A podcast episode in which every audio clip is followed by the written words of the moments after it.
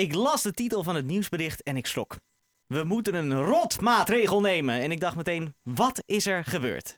Laten ze IS-baby's, die er verder niets mee te maken hebben, niet meer aan hun lot over? hebben ze besloten mensen in de zorg en het onderwijs een normaal salaris te geven?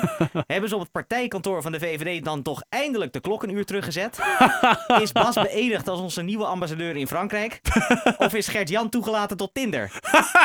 nee, het is nog veel erger. We mogen binnenkort nog maar 100 per uur op de snelweg. Een rotmaatregel, zei Mark Rutte. Ja, echt serieus. Als we in een land leven waarin dit rotmaatregelen zijn, hebben we onze zaakjes best op orde, dacht ik zo. Ik heb namelijk nog geen Syrische vluchteling horen zeggen: Ja, hoor eens, bij ons was het geen pretje, maar langs de ingestorte gebouwen kon je tenminste wel een beetje vroom, vroom. Maar toch is bijna iedereen boos. Zelfs 50 plus. Ja, 50 plus is ook boos. Die rijden namelijk al jaren max 80 op de linkerbaan met hun knipperlicht aan en nu moeten ze ineens 100 gaan rijden. Ook boze automobilisten komen in actie. Ze zeggen namelijk per jaar honderden uren aan kostbare tijd te verliezen door deze maatregel. Nou, als, je, als dat je per jaar zoveel tijd kost, dan woon je gewoon te ver van je werk.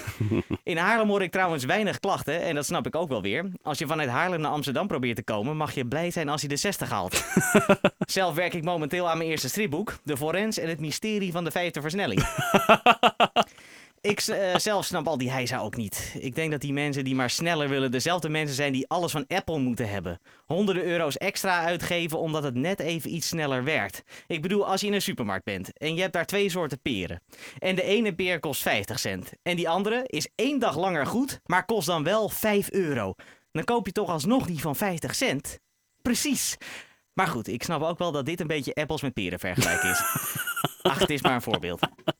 En misschien is het ook wel jaloezie hoor. Ik heb zelf zo'n oude Huawei. Je weet wel, zo'n ding waarbij de Chinees om de hoek al weet wat je gaat bestellen voordat je hebt gebeld. En ik zit daar, net als Mark Rutte, veel te veel op. Dat kreeg je deze week te horen in de Kamer, dat hij maar op zijn telefoon zat. En ik denk, daar moeten we wat aan doen. En daarom introduceer ik, let op, No Schermber. Ja, ik weet het. Het, het klinkt uh, ook, het werkt niet echt helemaal lekker. En het is ook al de 16e van de maand, dus ik dacht dan noemen we het half no schermber. Um, het concept is verder heel simpel. Niet zoals de naam doet vermoeden. Maar vanaf nu gebruiken we de tactiek van mijn vriendin. En zo zit je minder op je telefoon, geloof me. Zij googelt namelijk alles via mij. Van die simpele vragen als: tot hoe laat is de supermarkt eigenlijk open? Of um, hoe heet dat ene leuke restaurantje ook alweer? En hoe lang moet dit in de oven? En ik maar opzoeken. Dus dat gaan wij ook doen. Pas wel op dat je het niet overdrijft. Nee, ik bedoel serieus. Uh, laatst vroeg mijn vriendin midden in de nacht. En hoe laat dacht meneer thuis te komen? en toen had ik wel zoiets van: ja, dan kun je ook gewoon even, even zelf uh, opzoeken. dus pas op dat je niet overdrijft. Dit gebeurde overigens uh, met Sint Maarten, dat je niet denkt, Melvin zit elke dag in de kroeg. Nee, uh, zo ongeveer de enige traditie in Nederland is dat nog zonder discussie. En volgens een buurtapp is Haarlem de beste plek om Sint Maarten te vieren. Maar ik heb er niets mee. Nee, ik kan niet tegen kinderen die niet kunnen zingen. En als je eerlijke feedback geeft, dan heb jij het weer gedaan. En dan heb je sinds een paar jaar ook nog Halloween in Nederland. Nee, mij niet gezien. Op die dagen is Melvin de kroeg in.